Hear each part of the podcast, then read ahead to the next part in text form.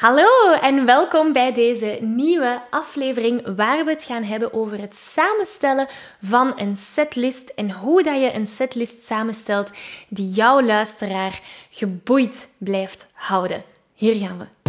Hey, ik ben Maggie. Vanuit mijn passie en talent om mensen de kracht van het zingen te laten ontdekken, help ik leergierige popzangers die op het hoogste niveau willen leren zingen. Worstel je met negatieve stemmetjes in je hoofd die je vertellen dat je niet goed genoeg kunt zingen? Geloof je dat je je bereik niet kunt vergroten of toonvaster kunt zingen? Of word je snel hees na een hevige zangsessie? In deze podcast krijg je tips, tricks en motivatie om te groeien als zanger, je stem te ontwikkelen en je grote zangdromen waar te maken. Zing je graag onder de douche, in de auto, in een karaokebar of zelfs op een podium? Dan is deze podcast zeker iets voor jou. Klaar om het beste uit jezelf te blijven bovenhalen? Let's go!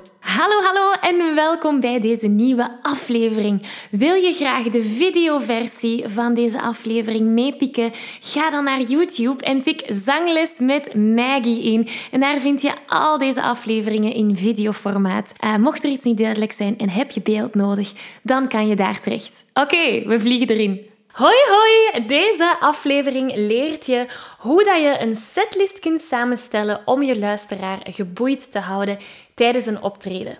Nu, wat heel veel beginnende en onwetende zangers doen als, als fout, is het woordje optreden associëren met zingen op een podium. En ja, ik, ik snap de correlatie, want dat is vaak wat dat we denken. Hè, van ik ga naar een optreden, dat is inderdaad een concert, zingen op een podium. Ik zie een optreden of een performance als... Dat kan van alles zijn. Het kan zijn dat je um, uh, op, op sociale media een filmpje deelt. Het kan zijn dat je met je koor gaat optreden. Het kan zijn dat je happy birthday voor iemand gaat inzingen en, en dat opnametje dan doorstuurt. Een optreden of een voorstelling is eigenlijk waar dat je je muzikaal verhaal met iemand gaat delen. En hoe dat je dat deelt, de volgorde waarin dat je dat deelt, heeft, is van belang. Zowel op sociale media, als op een podium, als in een café, als in een rusthuis, als je gaat zingen voor de oudere mensen. Die volgorde is van belang. En daar rekening mee houden is zo belangrijk. En veel te weinig beginnende zangers gaan daar eigenlijk rekening mee houden. Een tweede fout die veel beginnende zangers maken, is dan toch wel een setlist samenstellen, maar ze gaan die vaak baseren op genre of tempo. Dus hoe rustig de nummers zijn naar wat meer intensieve nummers of het genre. dat je eerst de ballads doet en dan zo wat meer de swingende stijlen. Dat is wat meer een amateur-approach, zeg maar. Natuurlijk moet daar rekening mee gehouden worden, maar we kunnen zoveel dieper gaan. En eens dat je daar je aandacht op gaat zetten, dan komen we in de wereld van de zelfzekere zanger terecht. En de zelfzekere zanger, die ziet elke kans om zijn of haar muziek te delen als een optreden. Dus dat wil zeggen dat de zelfzekere zanger ook rekening houdt met hoe breng ik hier mijn muzikaal verhaal naar buiten. Setlist is daar een onderdeel van, maar ook podiumpresence, microtechniek, al die zaken. Dus de zelfzekere zanger, elke keer als die zijn of haar muzikaal verhaal gaat delen met de buitenwereld, gaat hij daar rekening mee houden. Natuurlijk, als we kijken naar specifiek het samenstellen van de setlist. De zelfzekere zanger die gaat daar heel strategisch aan werken. En wat we vandaag gaan overlopen, gaat jou daar ook zeker bij helpen. De zelfzekere zanger die weet exact, die gaat rekening houden met uithoudingsvermogen, met de verhaallijn, met de sfeer, ook met genre, ook met tempo. Maar er zijn al die verschillende criteria waar je bij blijft, kunt blijven bij stilstaan wanneer je die setlist zeg maar, gaat samenstellen. Dus zoals je weet, we werken altijd vanuit de vier pijlers van de Zing Jezelf Vrij formule. En vandaag zitten we in pijler nummertje 4.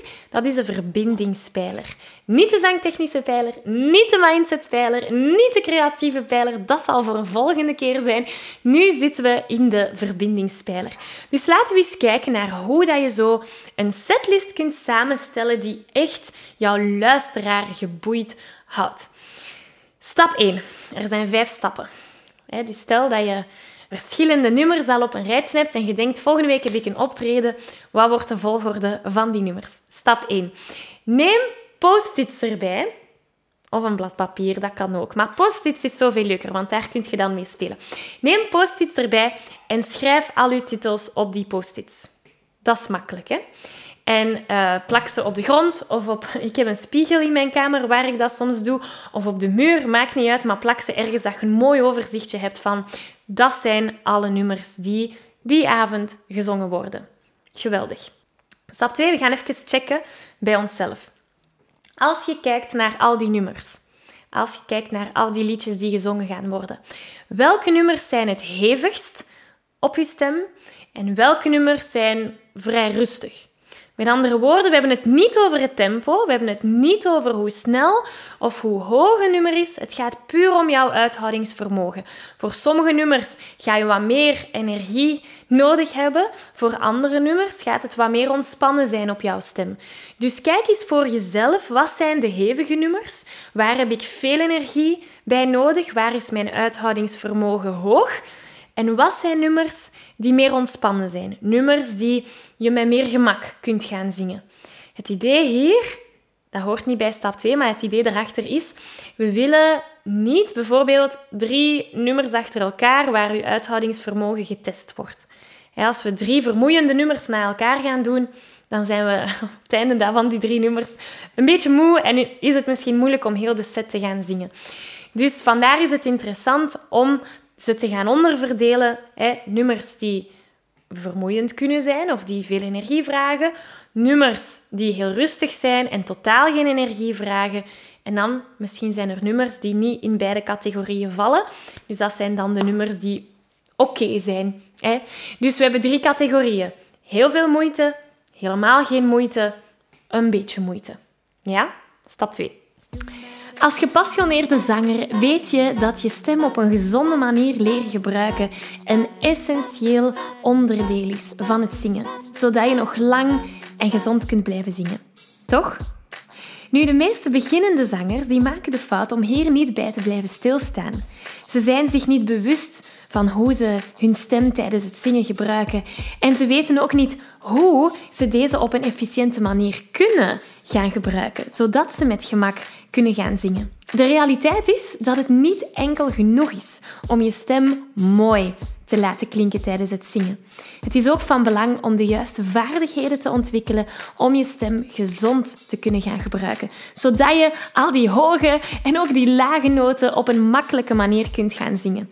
En daar wil ik je heel graag mee helpen.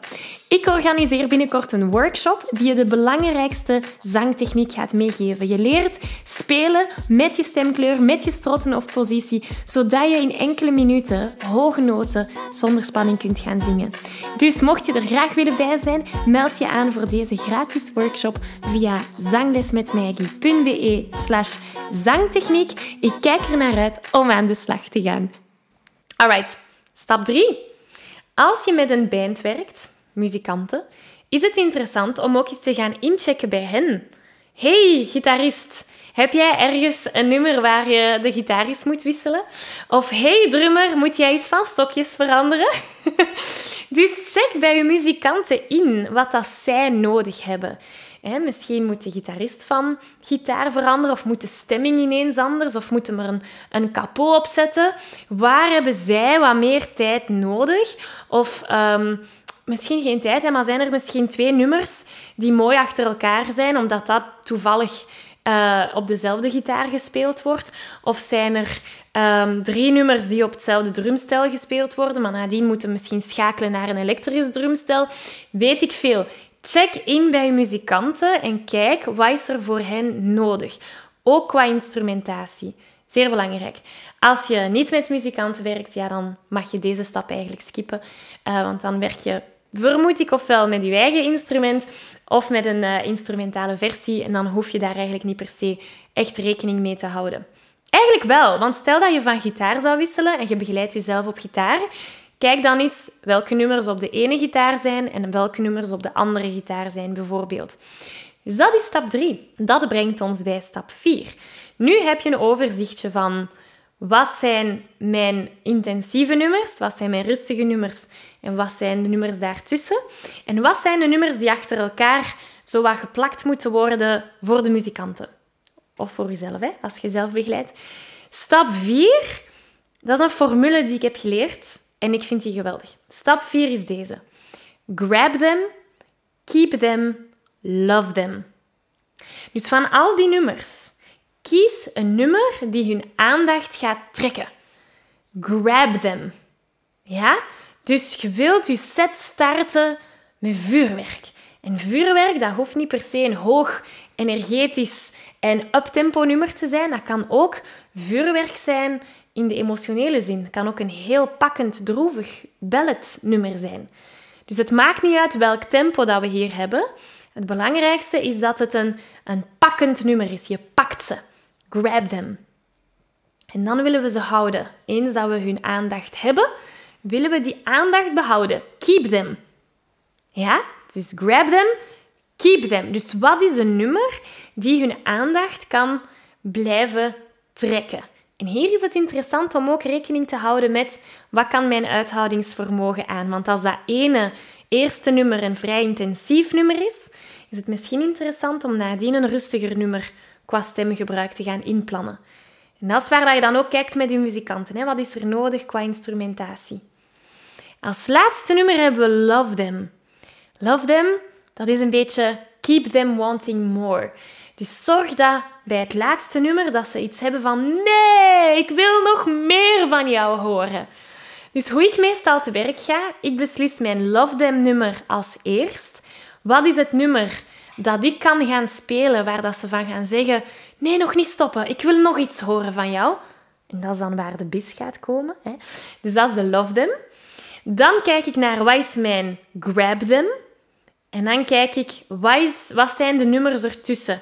En hoe kan ik hun, hun, ehm, hun aandacht erbij houden? Natuurlijk, dan komen we bij stap 5, kunnen we heel dit gaan finaliseren op basis van wat is het verhaal dat ik hier vertel? Zijn er bepaalde thema's in de nummers die terugkomen? Naast uw uithoudingsvermogen en naast wat voor de muzikanten nodig is, praktisch, kunnen we ook kijken naar het verhaal van de volledige set. Begin je met nummers die over heartbreak gaan en liefdesverdriet en eindig je met een nummer van ik ben sterk en ik voel mij goed? Of, dat dat zou een logische eigenlijk volgorde zijn. Uh, in plaats van beginnen met heartbreak en ik voel mij goed en ik ben boos en ik voel mij weer niet goed, maar ik voel mij uiteindelijk wel weer goed. Dat is een beetje all over the place. Dus wat zou een heel mooi verhaallijn kunnen zijn? Dat is stap 5. Dus zoals je ziet, er is wel wat puzzelwerk bij het samenstellen van de setlist.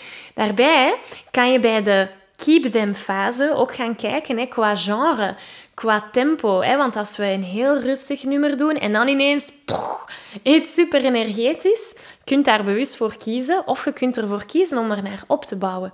Er zijn zoveel zaken om rekening mee te houden.